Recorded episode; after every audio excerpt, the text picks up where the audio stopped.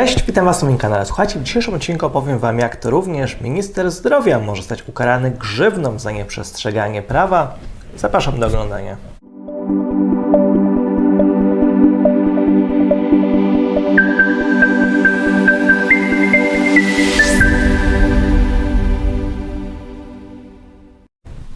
No i słuchajcie, otóż to jest akurat nasza sprawa. Składaliśmy w zeszłym roku wnioski o udostępnienie informacji publicznej do ministra zdrowia właśnie celem weryfikacji tej propagandy, którą nas karmią media. No i wnioski były składane w trybie dostępu do informacji publicznej. I zgodnie z ustawą o dostępie do informacji publicznej minister zdrowia miał 14 dni, żeby odpowiedzieć na taki wniosek.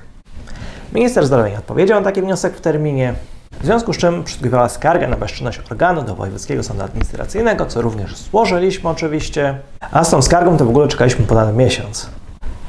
Bo wniosek o udostępnienie informacji publicznej był z 11 stycznia, zaś skarga została złożona dopiero 17 lutego wobec bezczynności organu. Pomimo tego, że skarga została złożona 17 lutego, a minister zdrowia miał obowiązek przekazać akta w terminie 15 dni od wpływu skargi, musiał przekazać akta do sądu administracyjnego wraz z odpowiedzią na tą skargę. Tego nie zrobił. Więc cóż, widząc, że tutaj trzeba zmobilizować ministra zdrowia, czasami również co niektóre inne organy, to zamiast bawić się w ponowne tutaj przekazywanie właśnie ponaglenia za pośrednictwem ministra zdrowia, to złożyliśmy bezpośrednio wniosek do Wojewódzkiego Sądu Administracyjnego właśnie o wymierzenie kary grzywny ministrowi zdrowia za nieprzekazywanie tych akt w terminie.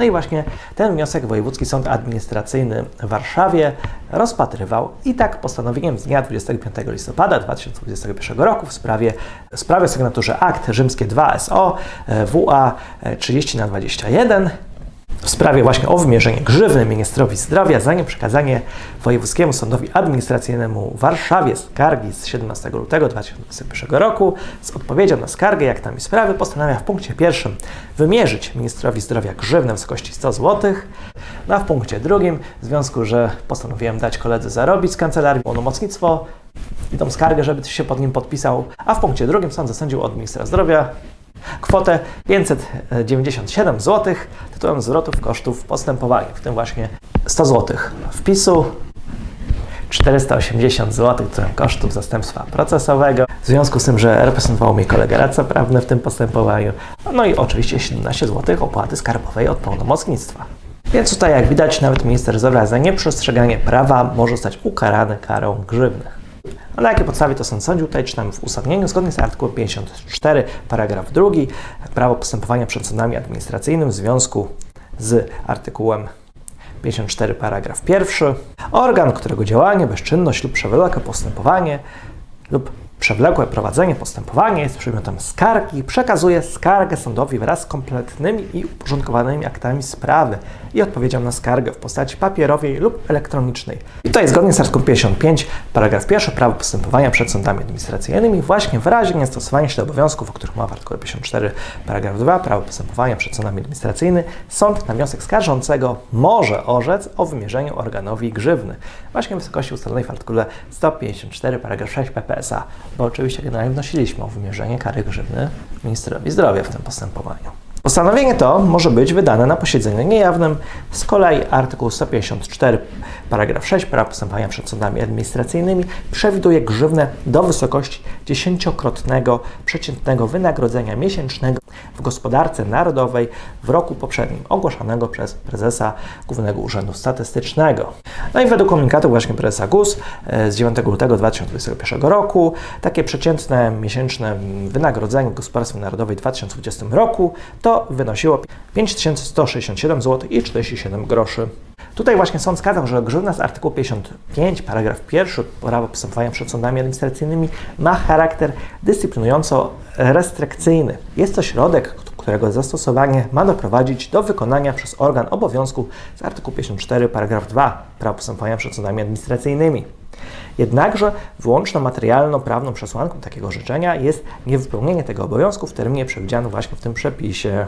Właśnie w uchwale z 3 listopada 2009 roku Naczelny Sąd Administracyjny wskazał m.in., że oprócz funkcji dyscyplinującej oraz represyjnej wymierzenie grzywny z artykułu 55 paragraf 1 prawa postępowania przed sądami administracyjnymi pełni również funkcję prewencyjną. Ukaranie organu służy bowiem także zapobieganiu naruszeniu prawa w przyszłości, zarówno przez ukarany organ, jak i inne organy. Rozpoznając wniosek o wymierzenie grzywny, sąd bierze pod uwagę wszelkie okoliczności sprawy, a więc m.in. przyczyny niewypełnienia przez organ obowiązków, o właśnie których mowa w artykule 54 paragraf 2 PPSA, czas jaki upłynął od wniesienia skargi oraz czy przed rozpatrzeniem wniosku o wymierzenie organowi grzywny organ ten wypełnił i wyjaśnił powody niedotrzymania terminu. Z akt sądowniejszej sprawy oraz akt sprawy 2 rzymskie SAP WA 196-21 wynika, że wnioskodawca złożył w dniu 11 stycznia 2021 roku wniosek o udostępnienie informacji publicznej, w dniu 17 lutego 2021 roku skarżący za pośrednictwem drogi elektronicznej, właśnie ePUAP, wniósł skargę na bezczynność organów w sprawie wyżej wymienionego wniosku o udostępnienie informacji publicznej. Z kolei w piśmie z dnia 9 marca 2021 roku skarżący wniósł o wymierzenie organowi grzywny za nieprzekazanie jego skargi. Organ przekazał do sądu akta sprawy wraz z odpowiedzią na skargę 15 marca 2021 roku. Nie budzi zatem wątpliwości, że nie zachowano ustawowego terminu na przekazanie skargi. Skargę należało przekazać do sądu wraz z aktami sprawy najpóźniej w dniu 4 marca 2021 roku.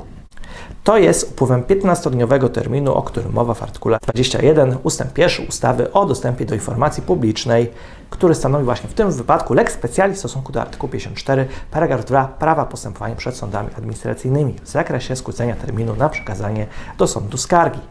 W rozpoznawanym przypadku przekroczenie terminu do przekazania skargi z 17 lutego 2021 roku jest nieznaczne, jednakże nie zostało przez organ wyjaśnione ani usprawiedliwione.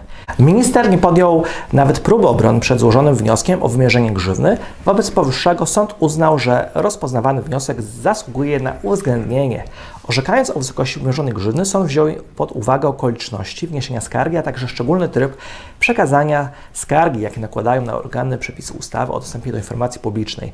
Wymierzenie grzywny w kwocie 100 zł jest zdaniem sądu adekwatne do uchybienia, jakiego organ dopuścił się, nie przekazując skargi wraz z odpowiedzią na skargę, jak i aktami spraw w podstawowym terminie, a nadto spełni rolę prewencyjną. Jednocześnie sąd stwierdza, że rolą ministra na etapie wpłynięcia skargi do Wojewódzkiego Sądu Administracyjnego za pośrednictwem wyżej wymienionego podmiotu jest terminowe przekazanie skargi. Jej nieprzekazanie bowiem ogranicza w istocie stronie skarżącej możliwość realizacji jej konstytucyjnego prawa do sądu. Ponadto okoliczność, że organ przekazał do sądu skargę wraz z odpowiedzią i aktami sprawy nie skutkuje ani bezprzedmiotowością postępowania, ani bezzasadnością rozpoznawalnego wniosku. Powołana regulacja ma charakter dyscyplinujący, represyjny oraz prewencyjny, co jednocześnie wynika z orzecznictwa, np. postanowienia Naczelnego Sądu Administracyjnego o sygnaturze akt 1 OZ 425 426 na 15 i 1 OZK 228 na 06. No i cóż, może by ktoś powiedział, że 100 zł grzywny to nie jest wysoko, no ale z drugiej strony tutaj bardziej liczy się stwierdzenie faktu bezprawności takiego działania. No a poza tym nawet zwróćcie uwagę, że te słynne mandaty, do których właśnie wystawiania zachęcał minister, to bardzo często wypadały w wysokości 20 zł przykładowo na głowę, więc, więc tutaj mamy tutaj grzywnę aż pięciokrotnie większą niż taki standardowy mandat, przykładowo za brak maski, a dodatkowo tutaj minister został obciążony kosztami postępowania, które jak widać przekraczają pięciokrotnie wysokość takiej grzywny.